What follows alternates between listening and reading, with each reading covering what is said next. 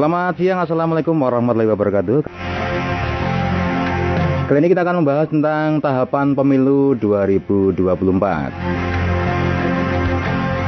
Pemilu 2024 yang akan diselenggarakan atau dilaksanakan tanggal 14 Februari 2024. Namun tahapannya sudah berlangsung sejak setahun yang lalu. Dan saat ini tahapannya memasuki tahapan pemutakhiran data pemilih.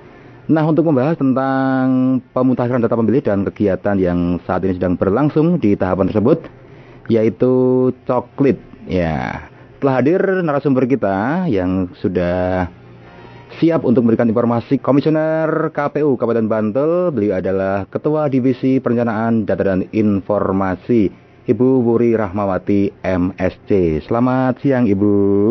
Selamat siang, Mas. Iya, kabarnya baik sehat Ibu ya? Alhamdulillah, walafiat sehat. Iya, harus sehat Ibu karena divisi data ini adalah divisi yang super sibuk apalagi di tahapan pemutakhiran data pemilih ini. Nah, Ibu Wuri tadi kan sudah saya singgung ya kegiatan uh, atau tahapan pemilu 2024 untuk saat ini adalah coklit. Nah, mungkin Ibu Wuri bisa memberikan sedikit gambaran apa sih coklit itu kok coklat coklit itu mungkin sudah sering mendengar tapi apa sih sebenarnya coklit kaitannya dengan tahapan pemilu 2024 ini? Silakan Bu Wuri ya baik uh, Mas Bekti dan pemirsa eh pendengar ya pendengar semuanya. Kami sampaikan bahwa coklit itu sebenarnya singkatan dari pencocokan dan penelitian. Apa yang dicocokkan dan diteliti yaitu data pemilih gitu sehingga coklit ini adalah sebuah kegiatan yang dilakukan oleh KPU Kabupaten Bantul untuk mencocokkan dan melakukan penelitian atas data pemilih yang ada di kami yang kami peroleh dari hasil sinkronisasi uh, dengan Kemendagri begitu untuk data pemilih di Kabupaten Bantul. Kemudian kami cocokkan dengan dokumen administrasi kependudukan pemilih di rumah masing-masing gitu ya, yeah. sesuai dengan alamat KTP-nya. Uh, dokumen administrasi kependudukan itu berupa KTPL atau mm -hmm. KK. Jadi memang berbasis de jure bukan de facto mm -hmm. begitu dan proses coklit ini tahapannya mulai 12 Februari yeah. hingga 14 Maret 2023 di mana jumlah pemilih uh, di Bantul menurut hasil sinkronisasi DP4 uh, KPU dengan Kemendagri itu jumlah pemilihnya 742.769 oh, pemilih okay. begitu. Lumayan banyak juga ya di Bantul Ibu ya. Iya. Oke, berarti ini dari pemilih yang sejumlah ini berarti tersebar ya di seluruh Kapanewon ya di Kabupaten Bantul ya. Untuk di Bantul sendiri ada berapa TPS Ibu terus yang melakukan coklat ini siapa gitu untuk masyarakat itu? Ya baik, terima kasih. Jadi untuk di Bantul dari total pemilih 742.769 pemilih itu kemudian kami lakukan pemetaan TPS yeah. sehingga menjadi totalnya menjadi 3.175 TPS untuk Kabupaten Bantul mengacu pada PKPU 7 tahun 2022 yang sudah ada perubahan di PKPU 7 tahun 2023 bahwa jumlah pemilih dalam satu TPS itu maksimal 300. 300. Sehingga jumlah uh, TPS-nya 3175 maka mm -hmm. uh, jumlah pantarlehnya uh, atau petugas pemutakhiran data pemilihnya itu juga sama dengan jumlah TPS yaitu 3175. Oh, okay. Sehingga coklit ini hmm. uh, Mas Bekti yeah. yang melakukan adalah pantarleh begitu ya, pantarleh. ya atau petugas pemutakhiran data pemilih oh, okay. yang ada di setiap uh, wilayah di seluruh Kabupaten Bantul di 17 Kapanewon dan 75 kalurahan begitu. Berarti ada sekitar 3.175 petugas mm apa tadi Pantarlih Ibu yeah. ya yang saat ini uh, melakukan kegiatan coklat itu. Terus bentuk kegiatannya seperti apa Bu? Terus kita sebagai masyarakat ini apa yang harus kita lakukan ketika ada petugas Pantarlih ini yang datang untuk mencoklit kita Ibu? Iya, baik. Jadi uh, petugas Pantarleh itu nanti akan mengunjungi uh, rumah-rumah pemilih yang namanya ada di daftar pemilih yang sudah kami siapkan begitu di mana daftar pemilih itu adalah basisnya per TPS hmm, gitu. Yeah. Maka Pantarleh ketika berkunjung itu akan menyampaikan maksud dan tujuan hmm, gitu hmm, ya. Kemudian yeah. uh, akan meminta pemilih untuk menunjukkan dokumen administrasi kependudukannya. Hmm. KTP elektronik ini menjadi dokumen pertama. Apabila tidak bisa menunjukkan maka menggunakan KK. Setelah ditunjukkan maka Pantarleh ini akan melakukan pengecekan hmm. begitu. Jadi antara data pemilih yang kami bawakan kepada Pantarleh baik dalam bentuk kertas yeah. uh, hard copy maupun di dalam handphonenya karena sudah yeah. menggunakan e-coklit oh, saat ini. E-coklit. Uh -uh, itu kemudian dicocokkan satu persatu mulai nama, -hmm. NIK, NKK itu dengan KTP-nya. Jadi yang di menjadi dasar adalah KTPL-nya. Apabila ada kekurang tepatan antara daftar pemilih yang kami bawakan yeah. dengan KTP maka nanti ada proses ubah data okay. begitu. Oh, iya, Ibu. Berarti kita sebagai masyarakat harus itu Ibu ya untuk mendukung kegiatan cokot ini dengan menyiapkan tadi KTP Ibu ya. Nah kan biasanya kan KTP kan yang di rumah misalnya hanya ibunya saja sementara yang bapaknya sedang bekerja. Terus untuk yang KTP-nya kan biasanya di bawah itu ibu. Terus kalau seperti itu bagaimana ibu? Kita kan tidak bisa menunjukkan KTP yang sedang bepergian begitu. Iya, jadi uh, apabila memang tidak bisa ditunjukkan KTP-nya, hmm. maka tadi saya sampaikan bisa menggunakan KK. Oh, KK. Begitu ya. Okay. Uh, eh, kalau itu pun tidak bisa, maka bisa dilakukan dengan melakukan video call kepada hmm, yang bersangkutan, iya, begitu. Yeah, yeah, Tapi yeah, tetap yeah. harus menunjukkan dokumen administrasi kependudukannya, begitu.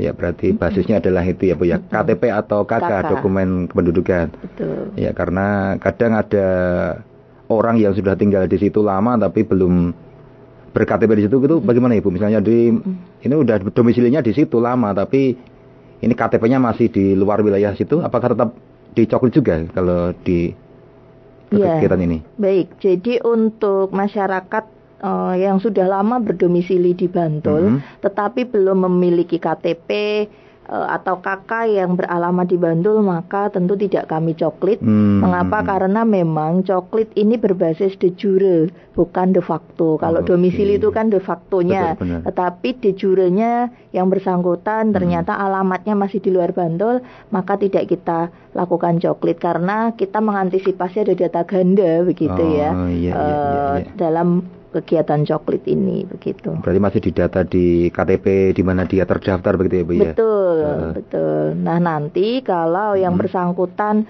akan pin, uh, memilih di Bantul, yeah. maka ada proses untuk pindah memilih begitu. Tapi ini tahapannya masih panjang oh, ketika iya. nanti sudah ada penetapan DPT oh, begitu. iya, itu nanti biasanya menjelang gitu ya, menjelang, menjelang coblosan gitu ya gampangannya. iya. iya, kita akan lanjutkan perbincangan kita mengenai tahapan pemilu 2024 yaitu E uh, coklit. Bu Wuri, ini terkait dengan tadi kan kegiatannya adalah pencocokan dan penelitian ya yang sudah ada datanya dari KPU begitu. Nah, bagaimana ketika ada warga masyarakat yang belum masuk di daftar yang dibawa oleh Pantarleh itu, misalnya dia baru saja pindah di wilayah tersebut beberapa waktu yang lalu jadi belum masuk di daftar. Seperti apa Ibu nanti langkahnya untuk yang seperti itu?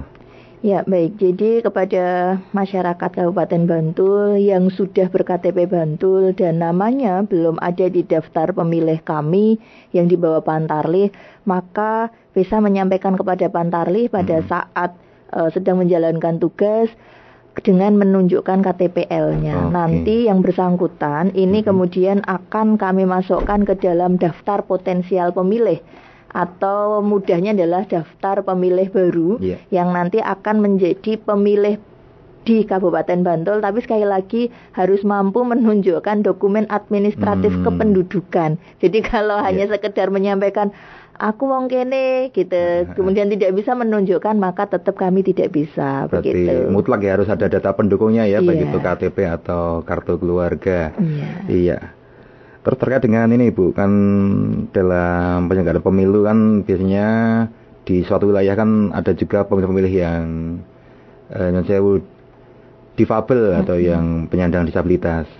Terus apakah terkait dengan hal ini KPU ada eh, perlakuan khusus atau ada atensi khusus terkait dengan difabel ini, Bu? Ya, terima kasih Mas Bekti. Jadi untuk penyandang disabilitas ini menjadi fokus begitu ya, menjadi fokus perhatian juga di dalam proses pencocokan dan penelitian data pemilih ini dan sudah juga dituangkan dalam PKPU-nya. Artinya KPU RI hingga jajarannya ke bawah itu berkomitmen untuk memberikan layanan yang sama pada pada penyandang disabilitas salah satunya melalui uh, pendataan pemilih hmm. ini. Nah, apa yang kami lakukan adalah kami ketika melakukan coklit ini, ketika di data pemilih kami itu belum dituliskan jenis ragam disabilitasnya, hmm. tetapi pada saat Pantarleh berkunjung ke pemilih atau kepada keluarga pemilih dan disampaikan bahwa yang bersangkutan ini penyandang disabilitas, maka kami akan melakukan ubah data hmm. terkait dengan jenis disabilitasnya yang pada awalnya tidak ada yeah. Ya. uh, kodenya itu ya misalnya ditulis nol hmm. maka akan kami sesuaikan dengan ragam disabilitasnya. Jadi ada enam kategori untuk hmm. ragam disabilitas yang ada di proses coklit ini. Yang pertama disabilitas intelektual, uh, fisik dulu ya. Nomor hmm. satu itu fisik, kemudian intelektual, mental, kemudian sensorik tuli, sensorik rungu, dan yang terakhir netra. Jadi kami berupaya untuk kemudian pantarleh itu hmm. memastikan benar pemilih yang dikunjungi apabila memang yang bersangkutan adalah disabilitas bisa kita lakukan uh, pendataan atau ubah data sesuai dengan ragamnya begitu. Uh, itu seberapa pentingnya sih Bu itu hmm. uh, apa itu mem memberikan kode-kode khusus terkait dengan penyandang disabilitas uh, penyandang disabilitas ini? Iya. Uh, ini sangat penting karena setiap ragam disabilitas hmm. ini mempunyai karakteristik tertentu dalam hal kita memberikan layanan begitu. Artinya sesama misalnya ya disabilitas hmm. sensorik begitu. Sensorik ini kan ada tuli sama netra yeah. begitu. Itu kan sudah berbeda bagaimana kita melayani tuli, hmm. bagaimana kita ber komunikasi dengan tuli, bagaimana kita melayani netra dan sebagainya. Termasuk tadi misalnya ada fisik, begitu yeah. ya, ada mental dan intelektual. Hal ini kaitannya nanti pada saat misalnya kita memberikan pendidikan pemilih pada penyandang disabilitas. Oh, ketika layanan pendidikan pemilih itu kita berikan pada tuli, gitu. Kan tidak mungkin kita hmm. kemudian menggunakan uh, audio atau yeah. suara. Eh, maka kita perlu ada interpreter misalnya begitu. Ada yang bisa bahasa isyarat. E, kalau yang kemudian pada saat pencoblosan misalnya netra misalnya begitu, maka salah satu yang selama ini sudah ada di KPU adalah hmm. menyediakan braille misalnya oh, demikian. Jadi ini bagian kaitan dengan bagaimana kita memberikan yang pertama adalah hak konstitusional hmm. mereka terpenuhi, kemudian yang kedua adalah kita bisa memberikan layanan yang maksimal untuk penyandang disabilitas sesuai dengan ragamnya begitu. Iya, berarti KPU ini sangat uh, serius sekali ya untuk mem memberikan pelayanan yang terbaik untuk seluruh uh, pemilih, khususnya juga untuk para penyandang disabilitas sehingga bisa menggunakan hak pilihnya dengan nyaman dan dengan uh, sesuai apa yang mereka disabilitas yang mereka sandang.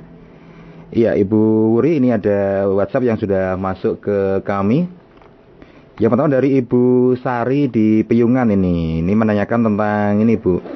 Jadi Ibu Sari ini khawatir ketika dia memberikan data-data pribadinya, hmm. ada NIK, ada nomor kartu keluarga hmm. kepada orang lain. Jadi mungkin dia khawatir ada penyalahgunaan data hmm. pribadi. Hmm.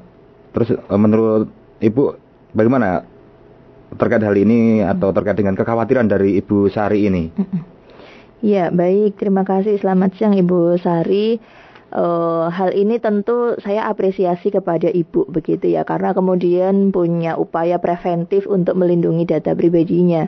Dan khusus untuk kegiatan mutarlih ini Ibu ke petugas kami Pantarleh sampai PPS-nya atau hmm. panitia pemungutan suara sampai PPK-nya panitia pemilihan kecamatan itu sudah kami berikan uh, semacam surat pertanggungjawaban mandiri untuk menjaga kerahasiaan data pribadi dan kami selalu sampaikan bahwa data pribadi ini tidak boleh diberikan kepada siapa pun hmm. kecuali kepada KPU begitu karena ini yeah. memang data pribadi yang sumbernya dari KPU maka yang boleh mengakses hanya KPU bahkan keluarga terdekat pun kami tidak perbolehkan untuk kemudian mengakses data-data pribadi tersebut ada NIK, NKK, tanggal lahir. Yeah. Itu kami benar-benar upayakan untuk itu tidak di berikan kepada siapa pun selain hmm. kepada KPU iya, begitu. karena itu adalah data data pribadi ya Bu ya nanti. Hmm. Tapi yang pasti KPU sudah berkomitmen dengan pantarlenya untuk bisa menjaga kerahasiaan terkait data pribadi ini. Ya kemudian yang kedua ini ada Pak Sigit di Serandaan ini. Kebetulan dia adalah ketua RT. Jadi kemarin didatangi oleh Pantarle itu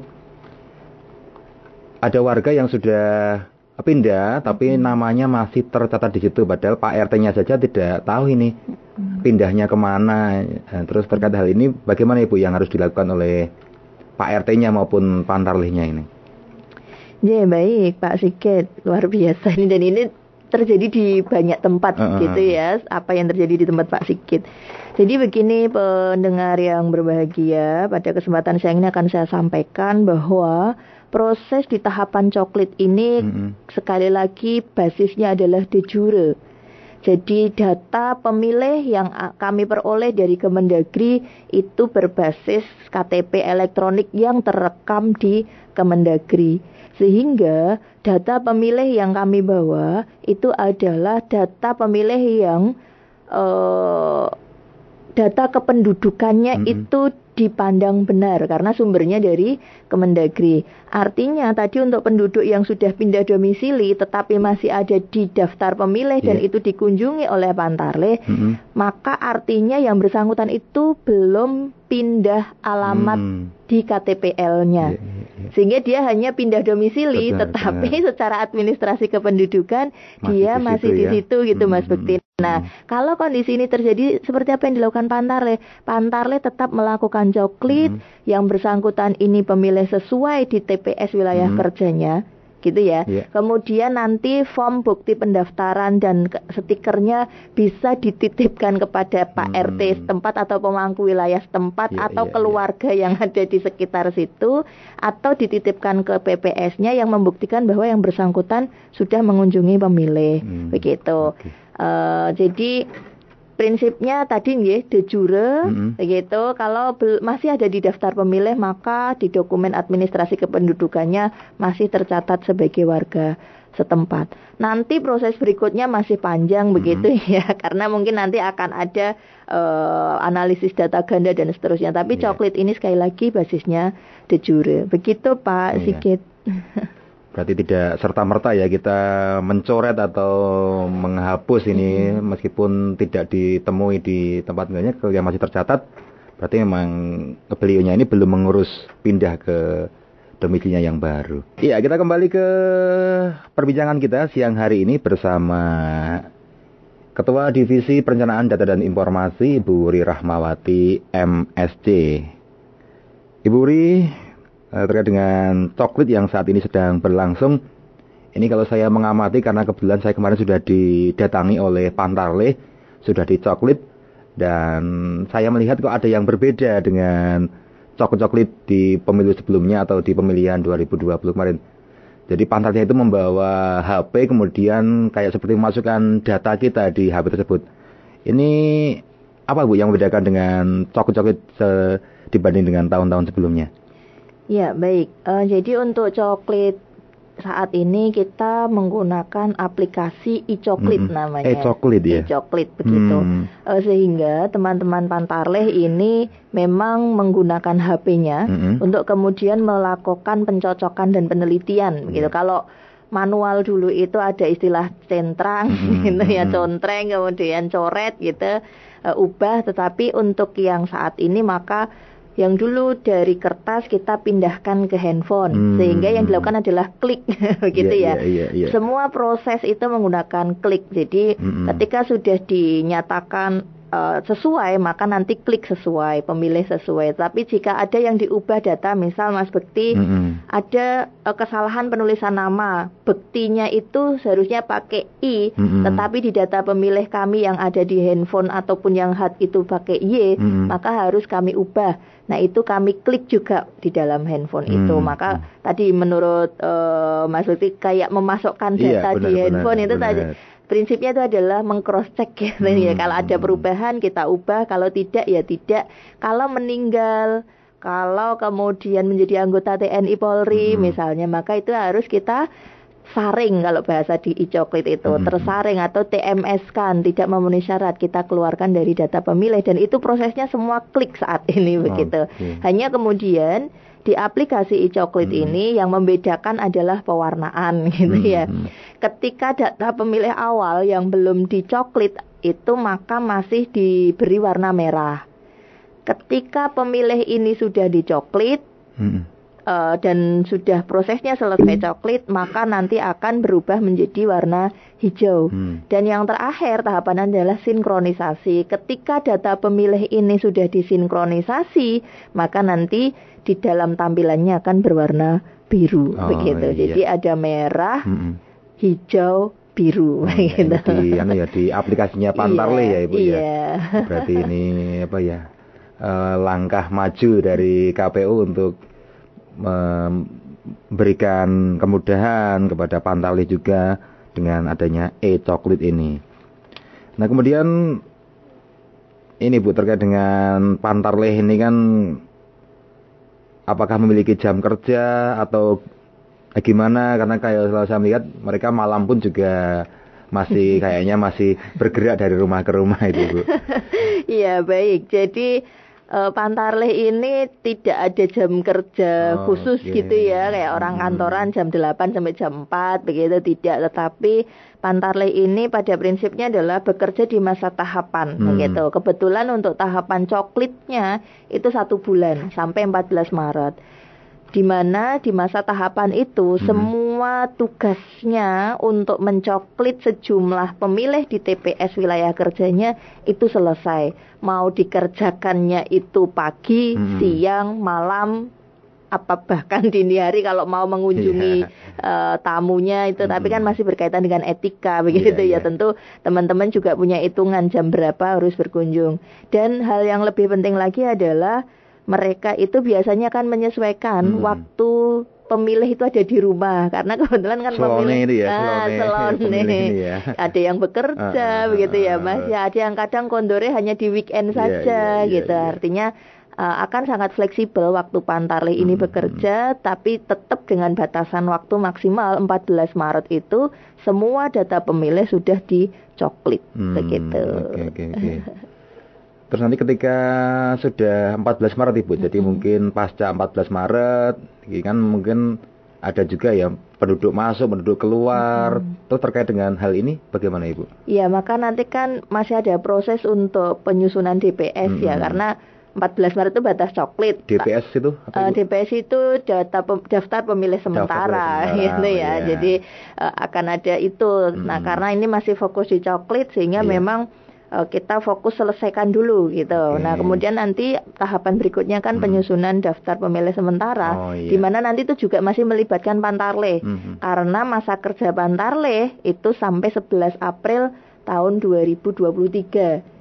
Jadi 12 iya, iya. Februari sampai hmm. 11 April 2023 di mana hmm. nanti Pantarleh ini akan membantu PPS panitia hmm. pemungutan suara untuk menyusun daftar pemilih sementara termasuk nanti misalnya uh, ada tanggapan karena kita harus umumkan pakai yeah. itu harus ada tanggapan masyarakat, hmm, hmm, kemudian ada masukan dari Bawaslu juga. Nah, yeah. itu proses itu tentu akan kita uh, apa lakukan gitu ya sehingga semangat yang dibangun KPU RI bersama jajaran sampai ke bawah adalah hmm. tidak ada warga negara yang memenuhi syarat sebagai pemilih itu yang kemudian tidak terdaftar sebagai pemilih ini menjadi semangat iya, artinya yeah, yeah, yeah, yeah. kalaupun itu muncul setelah kita selesai coklit hmm. tentu akan kita proses yeah. gitu.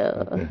Berarti harapannya adalah bahwa semua warga negara yang memiliki hak pilih itu uh, tercatat semuanya ya di hmm. daftar pemilih yang nanti uh, dikeluarkan oleh KPU. Tadi hmm. tahapannya setelah coklit ada DPS atau daftar pemilih sementara.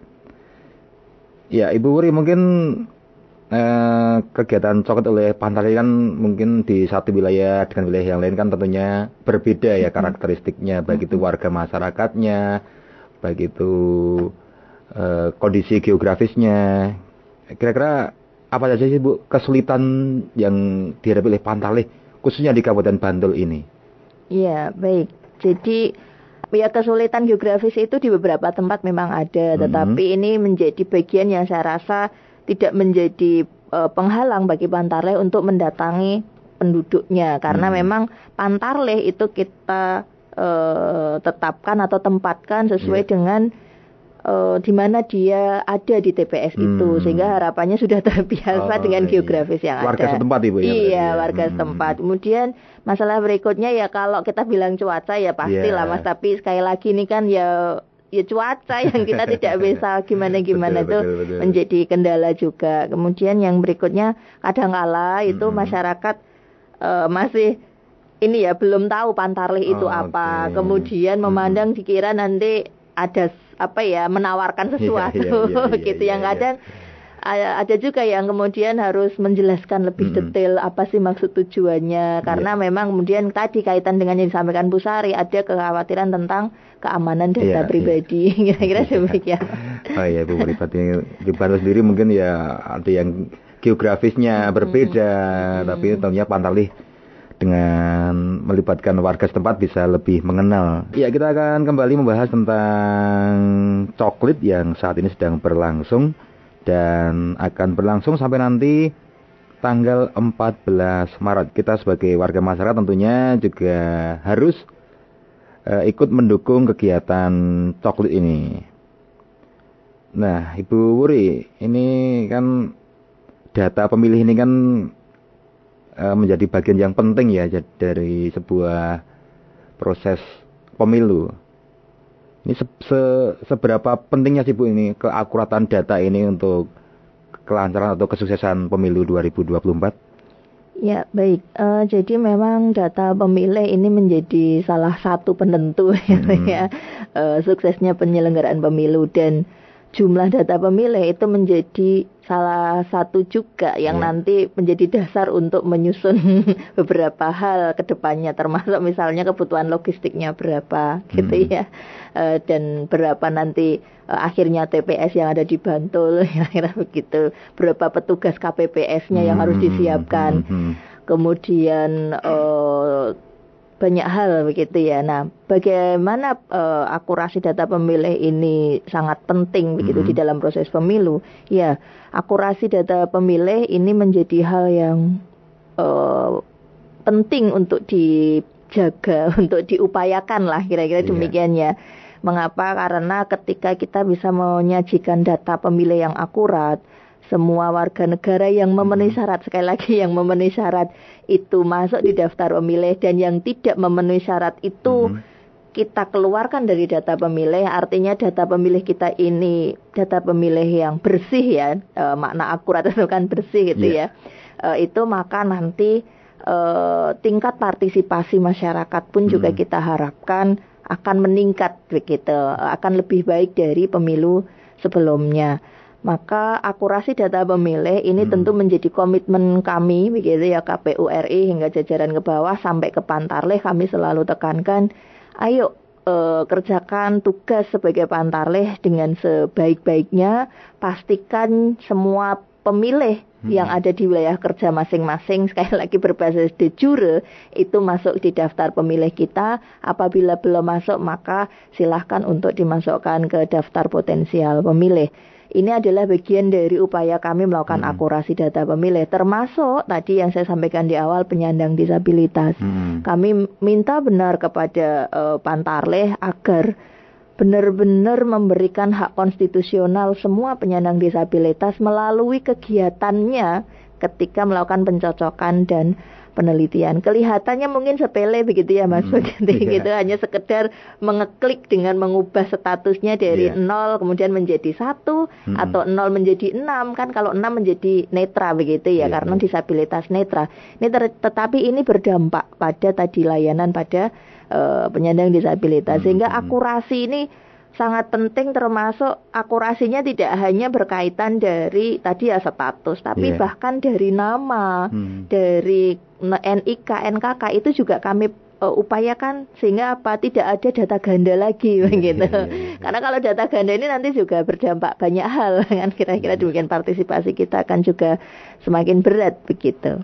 Ya, Uh, terakhir Ibu Wuri, uh, kita sebagai masyarakat, sebaiknya apa yang harus kita lakukan untuk mendukung kegiatan pemutakhiran data pemilih khususnya di kegiatan coklit oleh Pantaleh ini, Bu? Ya, baik. Uh, kepada masyarakat Bantul yang ber-KTP Bantul, yeah. gitu ya.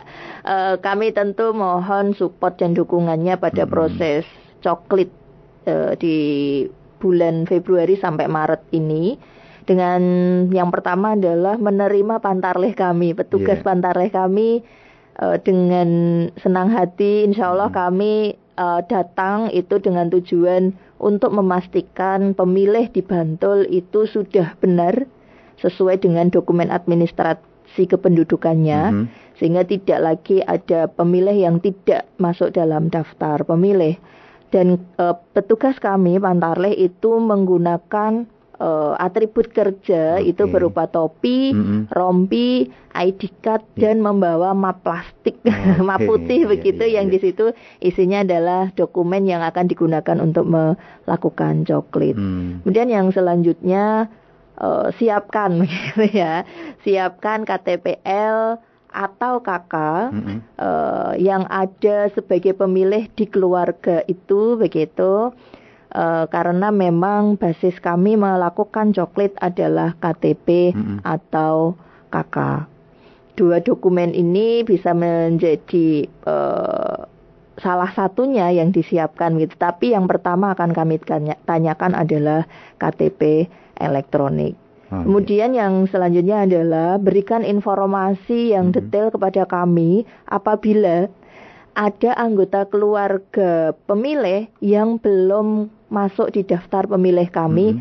karena memang misal baru genap 17 tahunnya nanti di uh, bulan depan hmm. gitu misalnya yeah. otomatis di data kami misalnya belum ada. Nah, ini tolong diinformasikan hmm. kepada pantarleh kami agar nanti bisa dimasukkan sebagai potensial pemilih atau pemilih baru begitu. Okay. Yeah. Terima kasih Ibu Wuri penjelasannya yang sangat panjang lebar terkait dengan kegiatan coklit di tahapan pemilu 2024 yang saat ini sedang berlangsung sampai nanti tanggal 14 Maret 2023 ini. Ya, semoga kegiatan coklit oleh Pantal ini bisa berlangsung dengan lancar sesuai dengan yang diharapkan dan nanti bisa menjadi sebuah hasil data pemilih yang akurat seperti yang kita harapkan bersama. Terima kasih. Talkshow siang hari ini kami akhiri. Mohon maaf apabila banyak kesalahan, kekurangan. Kita jumpa lagi di talkshow talkshow berikutnya. Selamat siang. Wassalamualaikum warahmatullahi wabarakatuh.